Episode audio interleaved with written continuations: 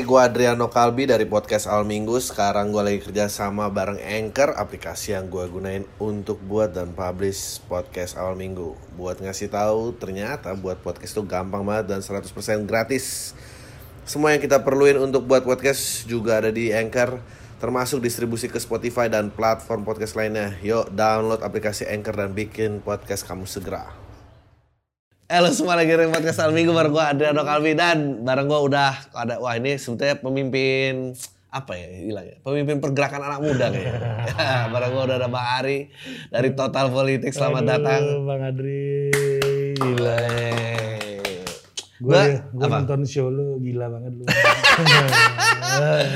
Iya terima kasih Gila. ini kita sekalian mau promo karena hari Minggu ini ada acara di mana Di Senovarti. Senovarti Iya, ngomong tentang apa Eh, politik versus komedi berkaraoke. Wow mantap Ini idenya Gian Lugi nih sebenarnya. Aduh, ini total politik sama ini ya, apa dia? Komisi.co. Komisi.co ya, Iya. anjrit.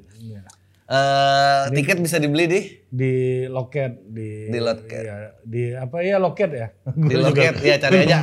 Eh, asum, di loket asumsi gitu ya Senoparty hari Minggu eh, harganya berapa? Harganya 98.000 sama 49.000 nggak tahu gua angka-angka Gian Lugi semua tuh. Iya. Seratus ribu apa lima puluh ribu lah. Iya, 150 ya. Berapa kapasitas nggak tahu? Kapasitas 100. 100. Ya, Oh, sekarang lah. udah hampir 70 kayaknya. Wow, udah habis namanya bentar lagi. Bentar lagi dikit lagi Bang. Biar ini kan biar kameranya enak dilihat kan. Cukup 100 kan. Jadi eh, kan jadi kita nggak sampai 1000 kayak Bang Adri. Jadi insiden kemarin belum kapok menyatukan komedi dan dan politik belum. Insiden yang mana nih? Eh, insiden kemarin itu loh ada komika harus minta maaf ada Muhammad anggota- Al-Katiri. Maaf Eh, Al-Katiri. Maaf Al-Katiri. Iya Bang. Kan lu WA gua kan. iya. Gua kayaknya lebih eh, selektif milih politisinya. Lebih selektif itu sih ya. Komika kan udah gak bisa kan Terbatas. ya kan lu tahu stoikism kan? Ya, Stoikism tuh fokus ke hal yang bisa lu kontrol aja. betul. Nah, kayaknya politisinya lebih mudah untuk diseleksi. Daripada ini. Aduh kacau, kacau, kacau. lebih kacau. mudah kayaknya, lebih lebih bisa diberi pengertian gitu. Tapi memang kayaknya eh, begitu ketemu politik semua tuh panas gitu kayaknya. Iya. eh, jok-jok yang dilempar juga kayaknya eh, selaras dengan pendirian sospolnya dia gitu kan. Gak Iya, ada nggak ada joking for the sake of joking tuh udah nggak ada tuh. Gak ada bang, pasti semuanya ideologis kan. Iya. Ketika masuk ranah politik, lu Iya. maksud lu apa nih? Iya. Kalau lu kan komedian bi- bisa berlindung biasanya kan gue cuma memberikan ketawa, Iya. kita memberikan hiburan. Iya. Kalau lu tersinggung ya gimana? Kalau politik enggak bang? Nggak bisa. Ini pesanan siapa? Gila. Ini musuh-musuh di lokal gue udah mulai masuk ke arena panggung-panggung nasional juga nih jangan gitu.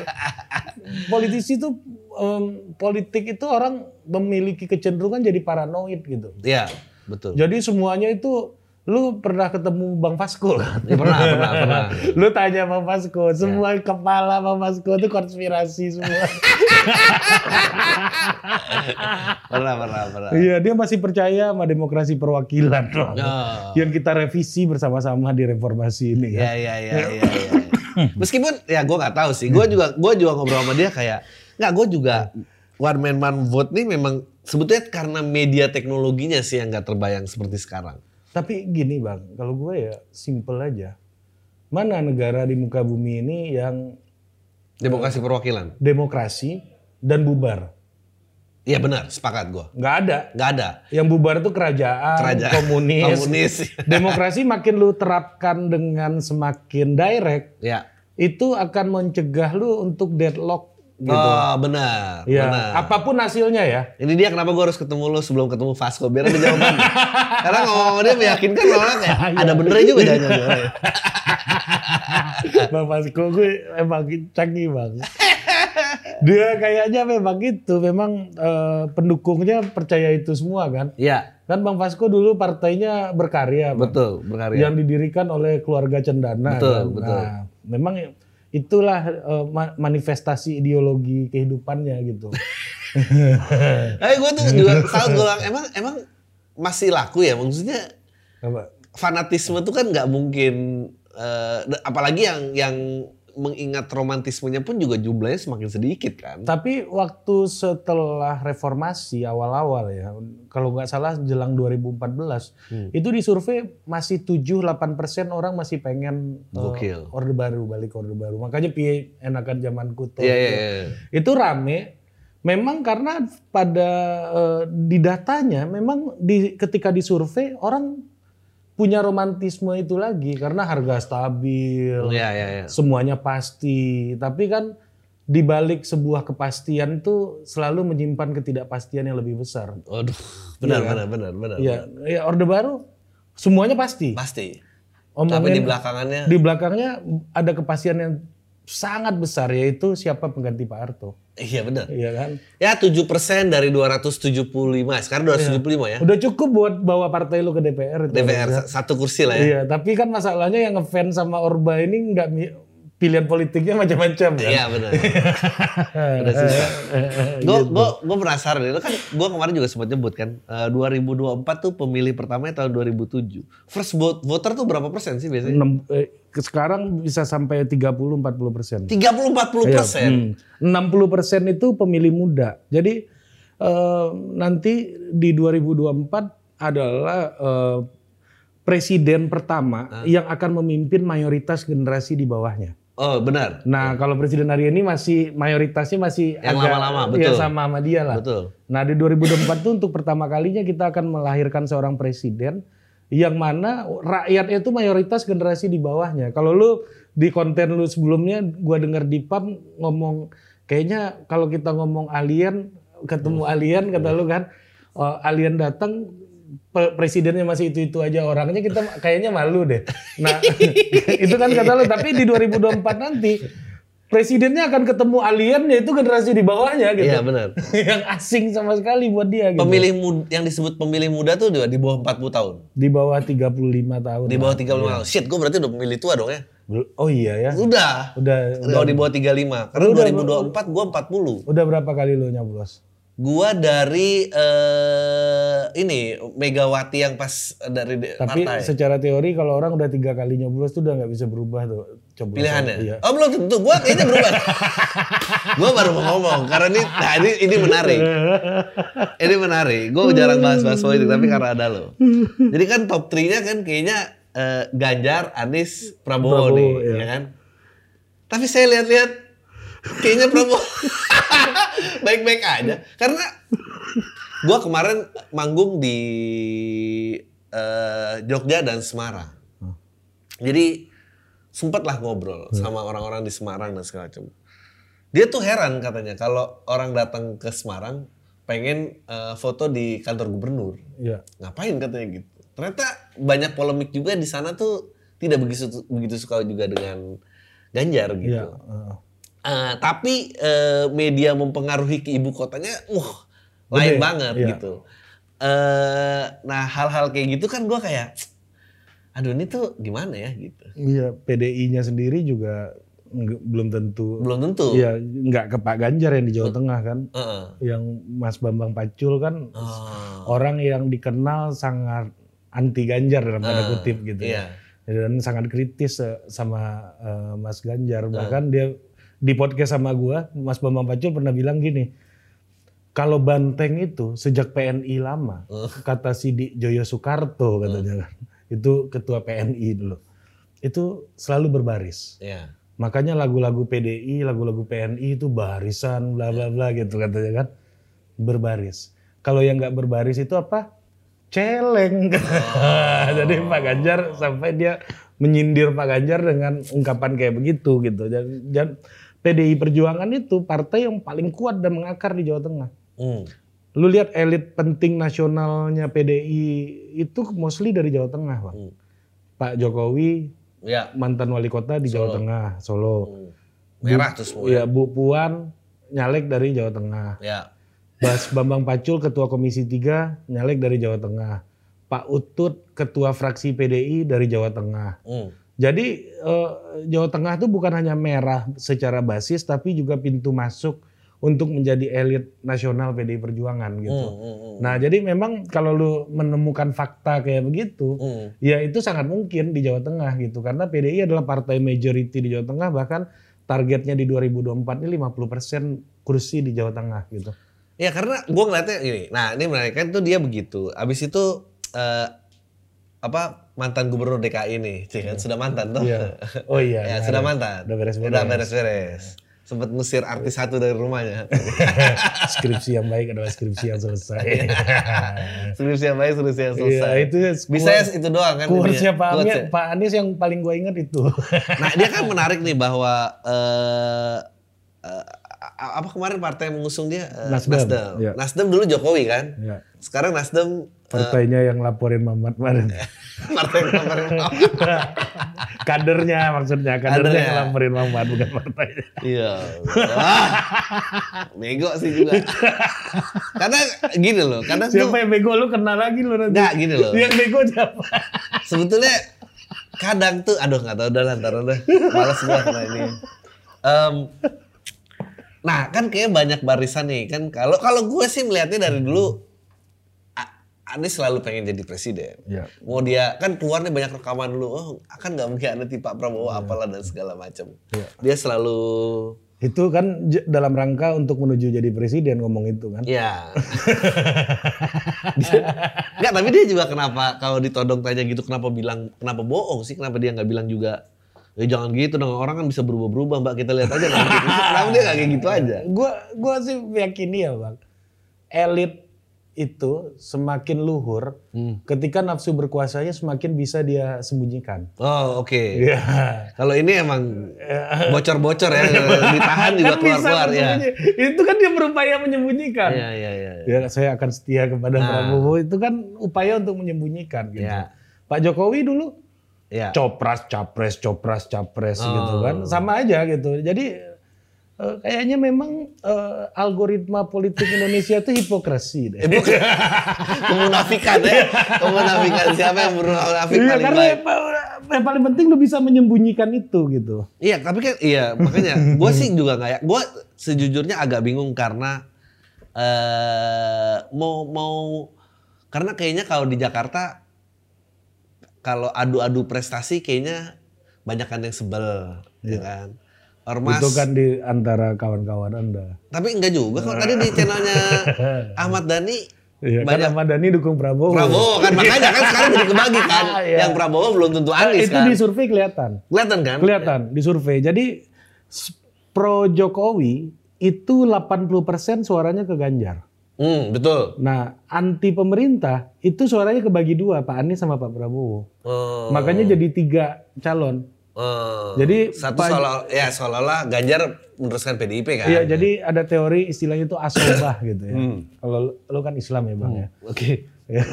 iya kan? Iya, benar. Ya, pasti ngerti lah istilah asobah gitu. Eh, Warisan gitu. eh, iya benar. Ya, jadi Pak eh, Pak Ganjar dapat warisannya Pak Jokowi, Betul.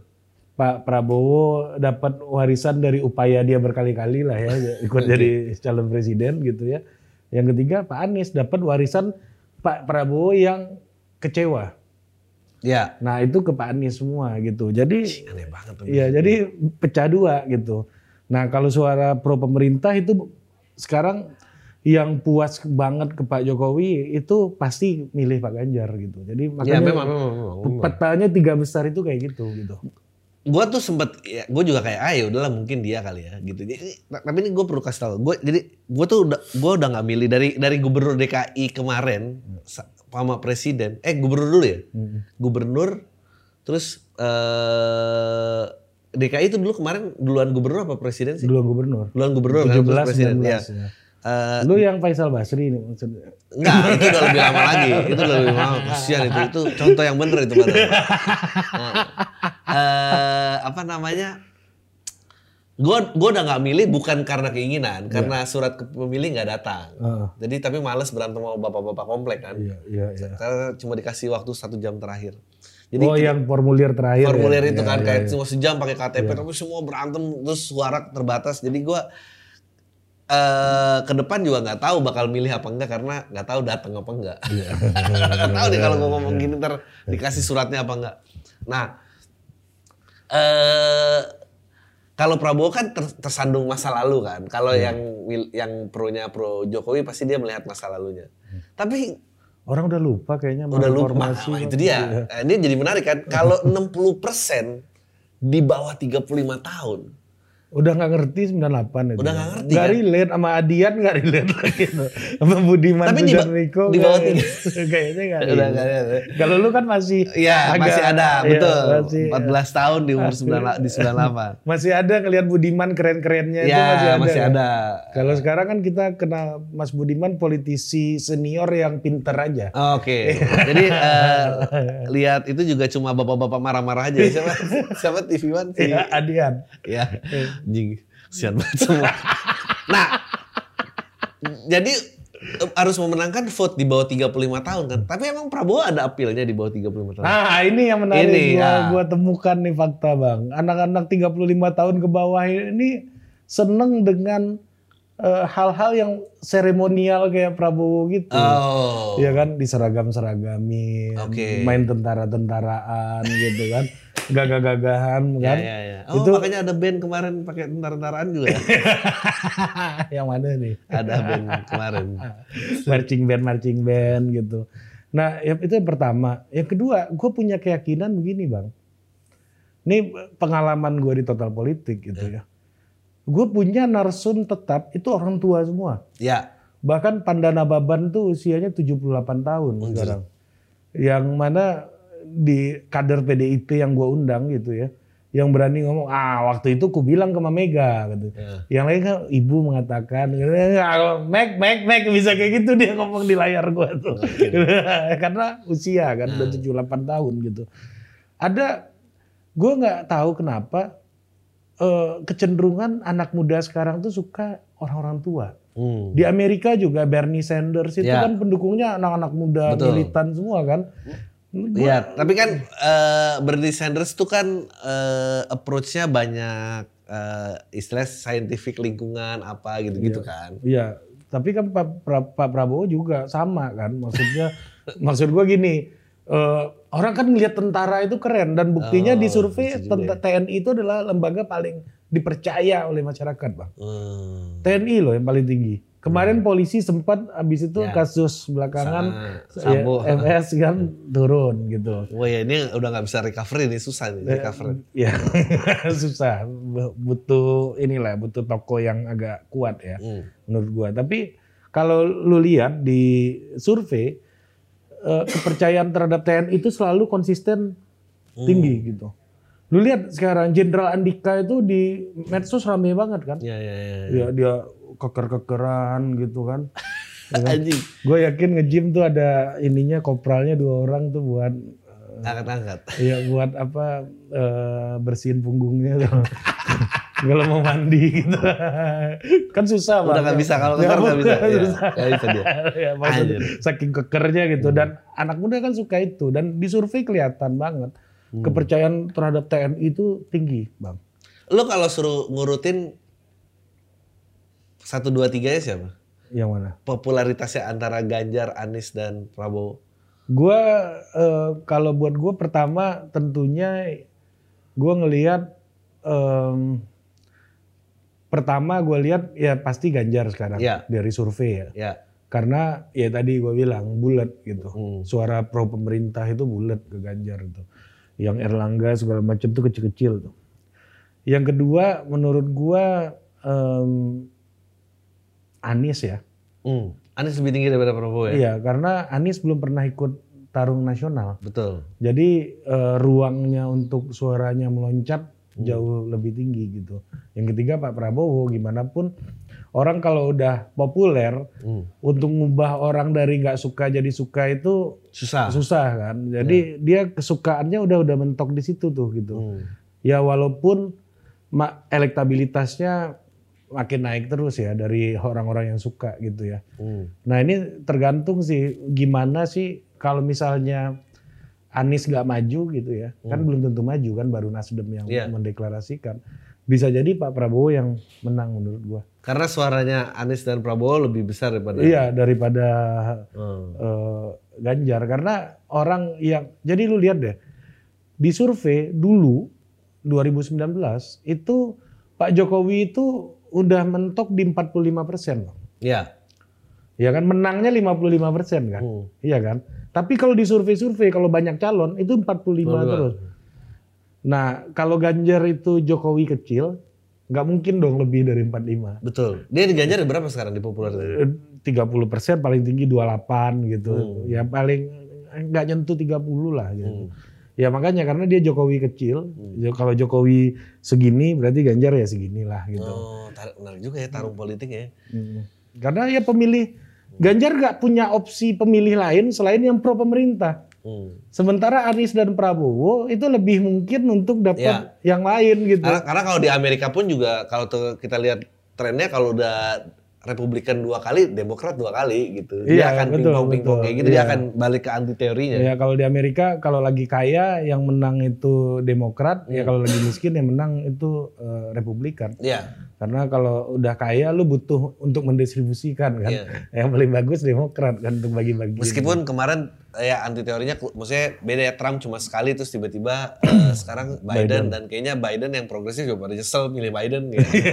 setiap Ini orang udah kayak kakek gini jatuh-jatuh, ngajak orang salaman yang gak ada disalamin gitu-gitu kan. Kayaknya lu lebih ini ya apa namanya lebih seneng eh, lebih seru hidup pas ada Trump gitu ya. Oh sebagai komedian. Ya enggak di Amerika orang-orang Oh iya, Amerika iya, iya. kan. Ah, nggak, tapi tapi gini, nah ini juga nih. Gua kalau sekarang melihat balik terus eh, yang riset-riset dikit gitu. em, Trump tuh nggak nggak separah kalau eh, karena mungkin dulu tereksposnya dari media-media Liberal. yang liberal. Iya betul. Jadi kesannya parah banget gitu. Iya. Tapi padahal kalau dilihat iya, baliknya betul. oh nggak nggak nggak ini Enggak banget. segitunya. Nggak segitunya. Iya. Dan satu lagi Bang, orang Indonesia yang kuliah di Amerika Iya. dan kemudian balik ke sini mostly itu adalah orang-orang yang di blue state loh, lihat deh. Iya, iya. Ya, benar. jadi pemahaman kita soal Amerika itu sangat bias liberal Iya sebenarnya. bias banget karena lu cuma di tepi timur atau tepi barat doang Iya, lu di tengah-tengah kan iya ya. kan, kebanyakan di blue state kan. Jadi kayak ahli politik kita di Indonesia nih, itu kebanyakan orang-orang yang kuliah dan besar di tradisi liberal gitu, yang tradisi konservatif kayaknya cuma Tanto Yahya gitu. Bener. Nggak, Makanya, tapi beneran loh. makanya doyan, doyan country dia karena Gue kenal sama Tantowi awalnya tau gak lo gara-gara apa? Kan gue ketemu lah di Singapura waktu itu pernah sekali eh, dikenalin sama temen gue. Tapi habis itu setelah gue jadi content creator, Hmm. dia tiba-tiba kontak gue. Hmm. Karena di total politik itu satu-satunya percakapan soal Amerika ya belain Trump. gue pun gue pun ada kecewa kekecewaan banyak di Obama kedua tuh kayak meskipun bukan warga Amerika ya tapi Iya. kayak eh, dia dia mendik, eh, nanda tanganin bill tentang alternatif media tuh dianggap ilegal segala macam dan- Perang juga paling banyak. perang Iya. paling banyak di di Obama itu eh ya makanya gue tuh udahlah satu orang satu masa pemerintahan aja. Masih konsisten lo kayak dulu. iya tapi karena iya. tapi lu lihat negara yang satu periode apa sih yang bagus? oh nggak ya nggak ada. Nggak ada. Apa coba? Filipin Filipin karena kepepet kan korupsinya banyak kan. Filipin karena kepepet. Gak ada bang, itu rata-rata adalah negara bekas jajahan Spanyol. Iya. Ya, makanya ya satu Yang satu korupsinya hancur-hancuran ya, satu jajahan satu Spanyol. periode dan beragama tertentu biasanya kan. Iya. Nah satu periode itu, nah tapi ya kalau misalnya lu satu periode pertanyaannya kan itu, Iya. nggak gua nanya ke lu sebenarnya. Enggak, karena sebetulnya ya karena kekecewaan aja sih gitu. Eh, kembali kalau gua kan eh, sebelnya eh, ya Obama pun juga menggunakan politik identitas. Sebelnya gimana siapa yang mau ngatur cara main ini nih gitu. Iya. Nah, FPI udah dibubarin nih. Jadi jadi nggak ada yang ke sana. Iya. Baru kemarin aja soan ke PP tuh. nah itu tuh gimana ya sebetulnya? Kita boleh gak sih ngomong ini boleh dong ya? Lucu juga ya. Eh. Maksud gua ya eh, kalau misalnya orang-orang yang punya track record ormas gitu ya. Hmm. eh, datang ke PP, ke FPI itu Hmm. menurut gua masih wajar apa namanya nggak mengagetkan gitu. Nggak mengagetkan betul. Iya, tapi kalau Pak Anies dosen gitu Iya. kan, eh, peneliti dulu gitu kan, jadi menteri, tapi masuk ke organisasi-organisasi yang approach-nya itu yang apa ya? Gue nggak mau ngomong, gue takut salah ngomong. tapi approach-nya itu apa namanya keorganisasian yang sampai ke akar rumput gitu loh, Bang. Hmm, iya. Iya kan? Ya karena memang eh, kayak nah tadi lagi bahwa eh, problem dengan eh, bias media liberal tuh jadi jadi parah. Dan kalau kita mau ngelah- misalnya komunikasi sampai ke akar rumput tuh bingung mau pakai Betul, apa. betul, betul, betul, betul, betul. Tadi si Jenderal itu dia pose-pose apa di TikTok dia makanya kan makanya kan maksudnya si Iya, iya. Jenderal tadi aja Pak dia Jenderal Andika. Eh, gua gak mau nyebut nama takut. Gak apa-apa kan kita nyebut yang baik, Bang. Iya. Kan kita Dia adaptif terhadap teknologinya kan gitu Iya. dan dan dan ya menarik lah gitu melihat Sekarang bagaimana ntar nih boomer-boomer ini Iya. berkomunikasi sama yang 2007 loh. beliau Pak Andika baru bikin YouTube sendiri, Bang. Oh, oke. Jenderal Andika. Iya. Tadinya pakai TNI AD. Oke. Nah, pakai TNI AD akunnya udah rame. Diubah. Terus enggak, akhirnya ganti TNI ganti KSAD kan. Nah, Naik Pak Dudung. eh, Pak Andika jadi panglima, naik pangkat, Iya. naik jabatan. Ternyata akun TNI nggak segede TNI AD ini gede Iya. subscriber. Akhirnya bikin akun YouTube sendiri. go. Banget. Gokil banget. Lucu banget. Gila, gua gua sih nggak habis pikir sih nanti ntar komunikasinya kayak apa gitu. Iya itu yang gue juga pertanyakan tuh bang. Iya. Maksud gue, lu kan su- suka TikTok ya? Iya. Enggak, iya oke. iya kan? Maksud gue Memperhatikan ya. memperhatikan gitu. Dan ini manusia-manusia ini kan banyak kan di TikTok nih nanti nih. Iya. Cara pikirnya cara pikir TikTok, quotable quotable kan. Jogetan-jogetannya ya.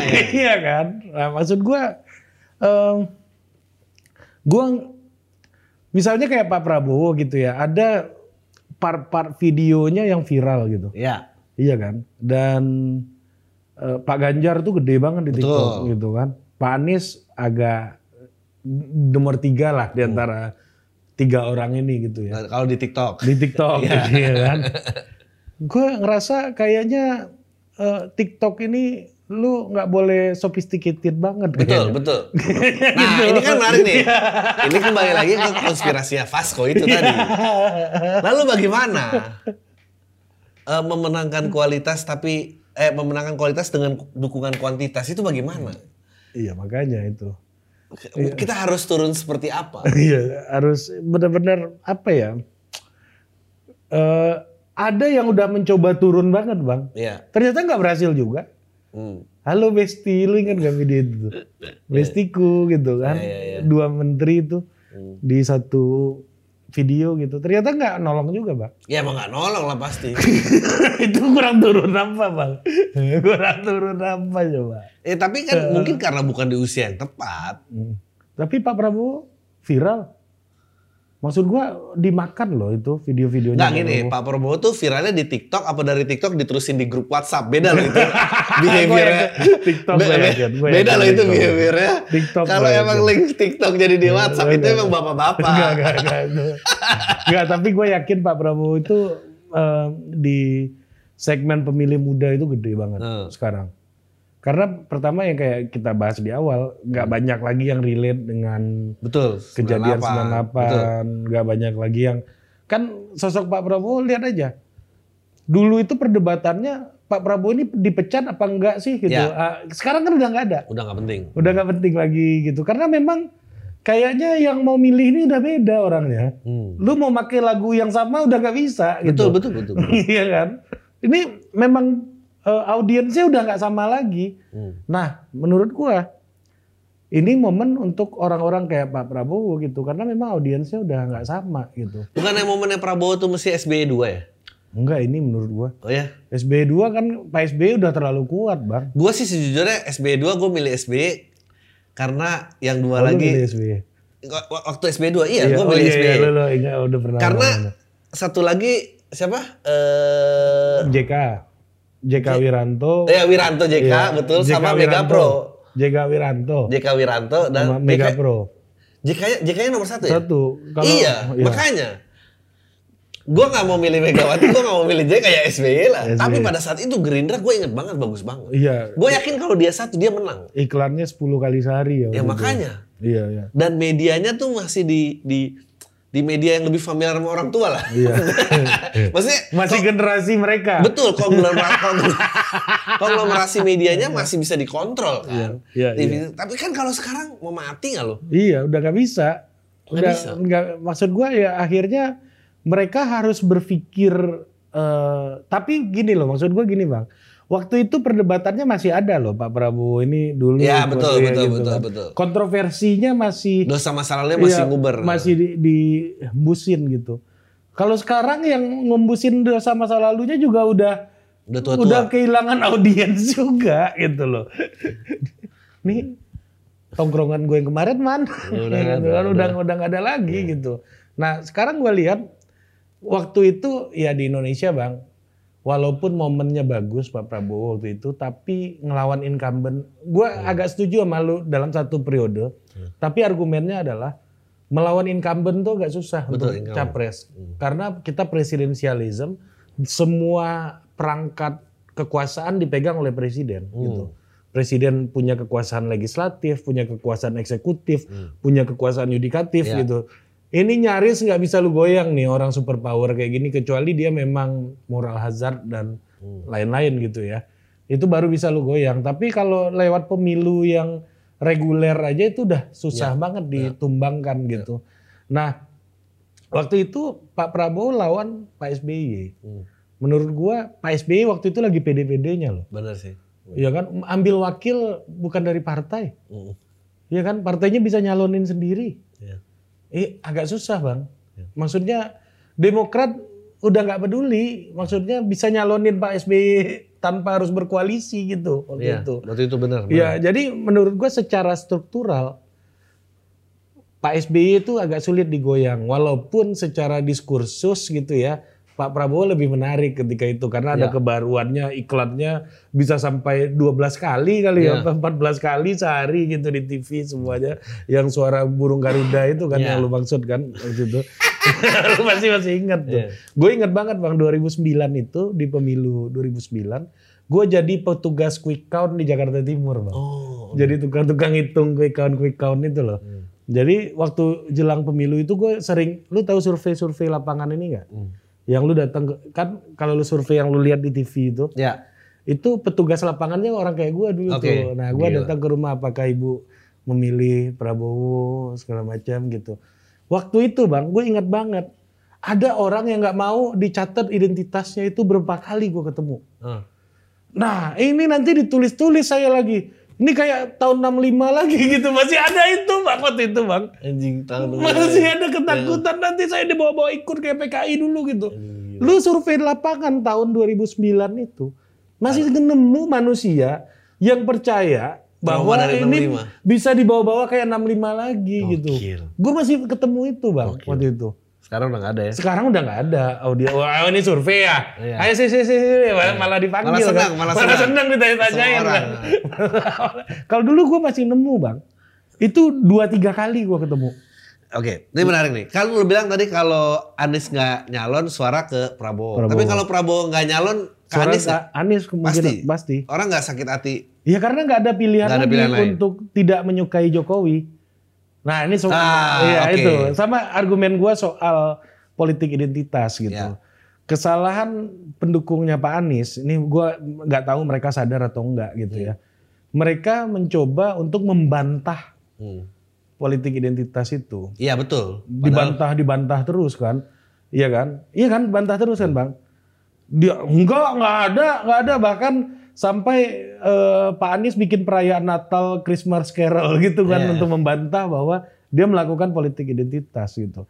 Tapi pada faktanya memang ada orang yang mendukung Pak Anies menggunakan politik identitas ya nggak setuju benar, nggak? benar. Pada faktanya memang ada. Hmm. Entah itu disuruh oleh timnya Pak Anies atau tidak. Iya, terlepas Iya, dari itu. terlepas dari itu. Pada faktanya ada. Nah, bisa jadi orangnya emang cinta Pak Anies. Iya. Tapi di sisi lain bisa jadi karena benci Pak Ahok. Iya. Iya kan, orang ini kan. Iya. Akhirnya apa? Dia menggunakan bahasa-bahasa yang lazim di kelompok kelas bawah. Betul. Iya kan? Karena mereka kan nggak mungkin disuruh ngomong wah ini eksklusi, alienasi kan nggak mungkin Ya, ngomong bahasa aktivis kayak gitu. Di otak mereka kafir non kafir gitu Ya. kan. Nah ada orang-orang ini yang yang mana mungkin ya lepas dari kendali Pak Anies juga, ya kan? Eh, mungkin gitu ya. Nah, yang jadi problem adalah gimana caranya publik bisa menerima manusia-manusia ini kalau lu sendiri itu nggak nerima mereka sebagian bagian dari kemenangan lu. Iya benar, benar, benar. Suaranya lo mau, tapi lo Iya, anggap maka, makanya maksud gua politik identitas tidak bisa dibenarkan, tapi itu bisa diterima. gitu. Kadang-kadang kan dalam hidup gitu, Bang. Misalnya eh, pembunuhan massal gitu, perang gitu. Iya. Perang, let's say perang atau kebohongan. Lu bohong itu nggak bisa dibenarkan, bohong itu salah. Tapi ada kebohongan yang bisa diterima. Misalnya kalau misalnya membuat nyawa orang melayang, Iya. terus kebohongan untuk mendamaikan orang lain, kebohongan untuk eh, apa namanya nih eh, membuat orang lain senang gitu. Hmm. Itu kan boleh. Perang misalnya. Ya dari zaman nama manusia purba sampai zaman nabi ada perang gitu kan. Iya, benar. Iya kan? Apakah itu salah? Iya. Ya nggak bisa. Ya perang bisa membunuh orang jelas salah. Tapi bisa diterima dengan argumen-argumen tertentu. Misalnya eh, preemptive strike atau membela diri gitu misalnya.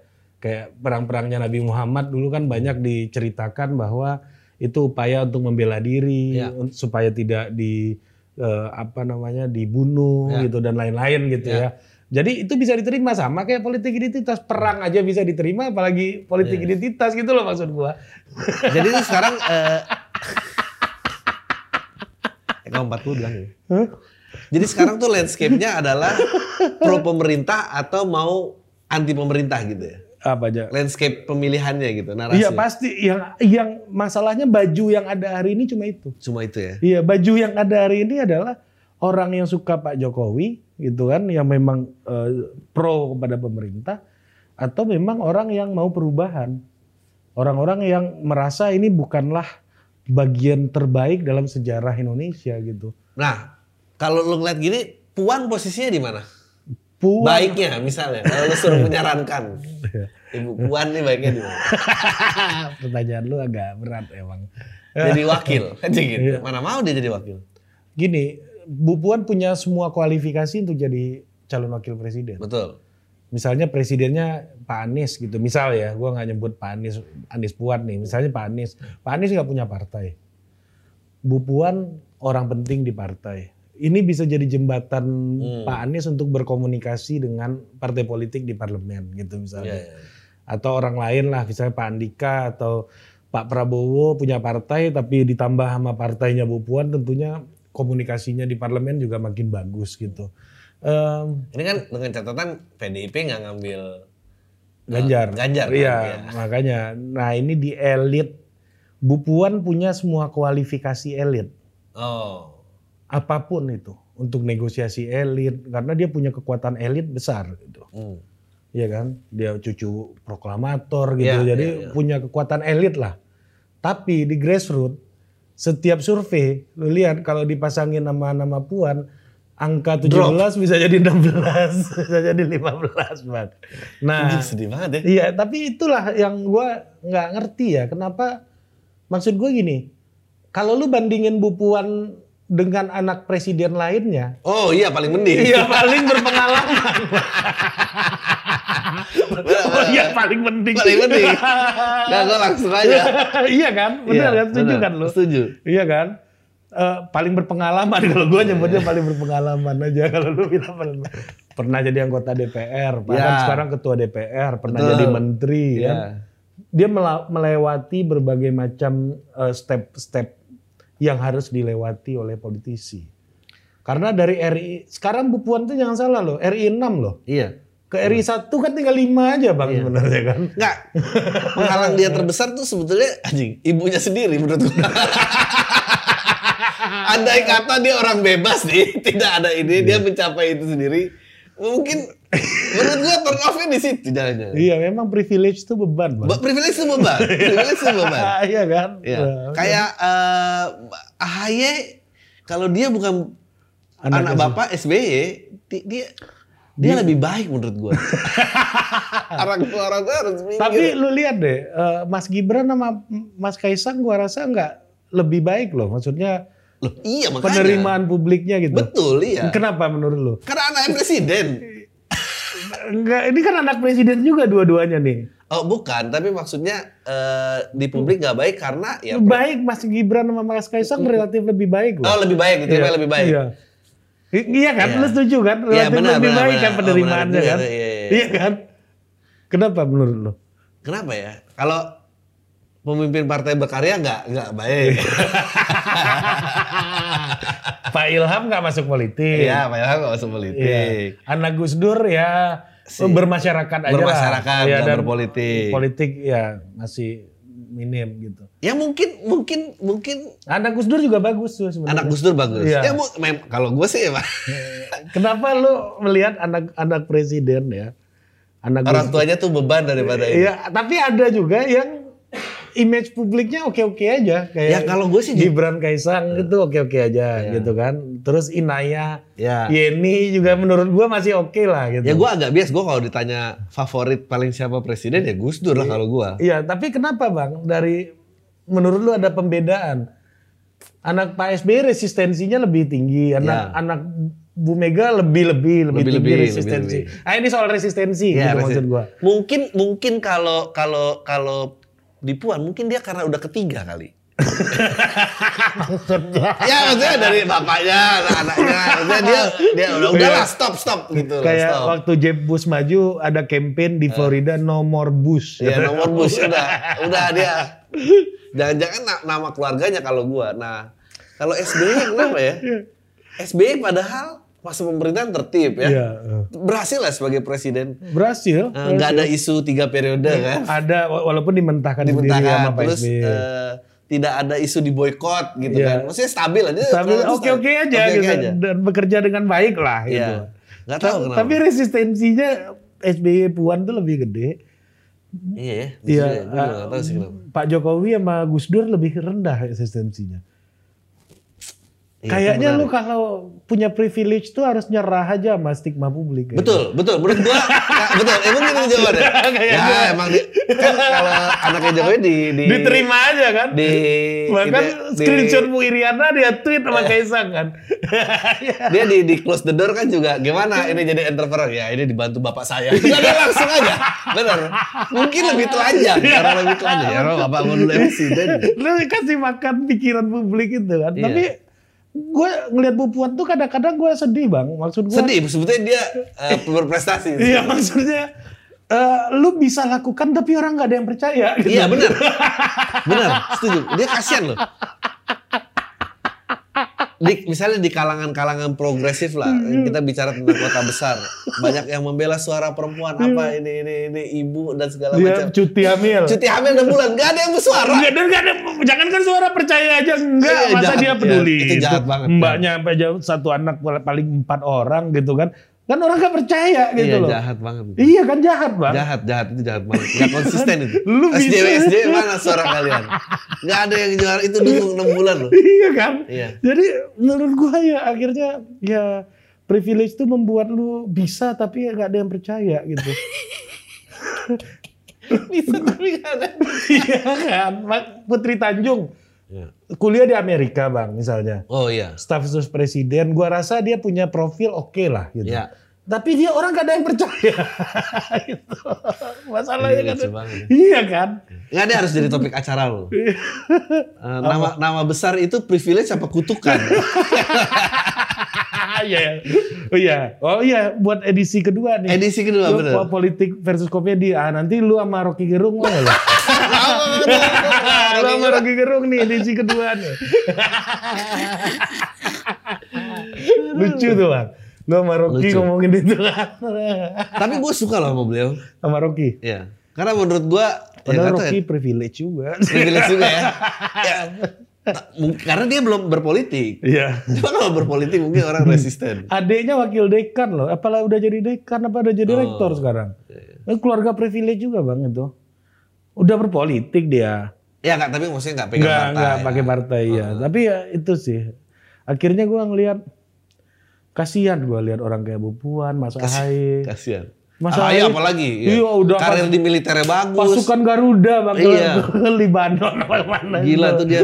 gendong-gendong anak walaupun misi-misi PR ya tapi ya maksud gua itu kan keren gitu loh Keren, keren. tapi Dia orang nggak percaya Kasian. karena bapak lu aja padahal dia juga bisa gitu loh Ya ampun. Bu Puan juga gue yakin bisa Bisa. Iya udah punya experience kayak gitu masa nggak bisa Track ya? recordnya lebih baik daripada ya anaknya Jokowi kan baru di situ. Maksudnya Iya. Kan karirnya udah jauh Iya lebih. tapi nggak masalahnya orang nggak percaya aja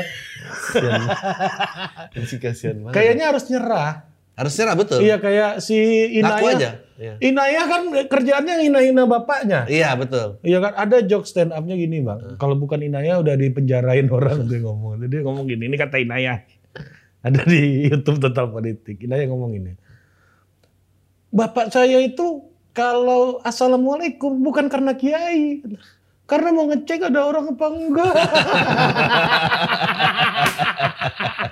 Ya. sebetulnya sebetulnya nah ini kembali lagi ini nyambung ke, ke komedi ini nanti. Karena emang menurut gua eh titik tertinggi komedi itu mengamini itu aja. iya iya. Mengamini itu aja. Iya. Lihat aja Gibran sama Kaisang kan juga lucu. Iya, boleh jadi lucu. Mungkin itu yang mesti dilakukan Anies pada saat kemarin ditanya ada ambisi menjadi calon presiden. Ya lihat aja nanti. Gitu. Jadi dia, dia keluarin aja nggak usah disimpan. Jadi artinya ada gunanya untuk menjadi lucu bagi politisi. Ada betul. Iya kan? Iya. Eh, yaitu untuk me- me- apa namanya? Gak gini, gua rasa gini ada ada a- gua kasih tahu buat politisi. Kan ada ada statement lu tuh. Gua bilang nih, gua oke kalau gitu gua revisi gitu. Poli- politisi boleh melucu, tapi lu nggak boleh sarkastik. Nggak boleh. Lu boleh melucu kalau lu self deprecating. Cuma itu doang yang diterima. Kalau lu self deprecating itu diterima. Iya iya. Iya iya Ya. untuk hina diri lu boleh. Untuk hina diri lu boleh. Boleh, ya. Karena lu Iya, hina yang lain. Kalau lu Jangan, jangan. jangan, jangan. Lu orang di atas jangan. Itu kayak kayak lu orang nasihatin orang pengemis itu Iya. tadi. Ya lu pukul-pukulan lah anjing orang gua di bawah lu hina gua. Apalagi kalau lu nggak jago bikin jokesnya kan. Iya. Lu kan bukan profesional komedian Bukan, gitu bukan. kan. Kalau mau ini aja. Jadi politisi boleh ngelawak Tapi- asalkan self deprecating. Untuk hina dirinya Iya. ya boleh. itu boleh tuh rumusnya Iya. tuh. Oke buat lo semua kalau pengen lihat diskusi lebih lanjut datang aja ke Senoparty hari Minggu ini jam Eh, 19. jam 19 eh, akan ada siapa aja? 23 Oktober ya Eh, akan ada Oza Rangkuti Oke. dari komedian eh, Arif Poyono. Oke, Tahu kan Arif Poyono? nggak tahu gua. Iya tahu. Iya, orang gak lo rangganya politik lah. Iya, lo pernah politik terus Arif Poyono, terus hostnya gua eh, Budi Adiputro sama Gianluigi Kristekov ya.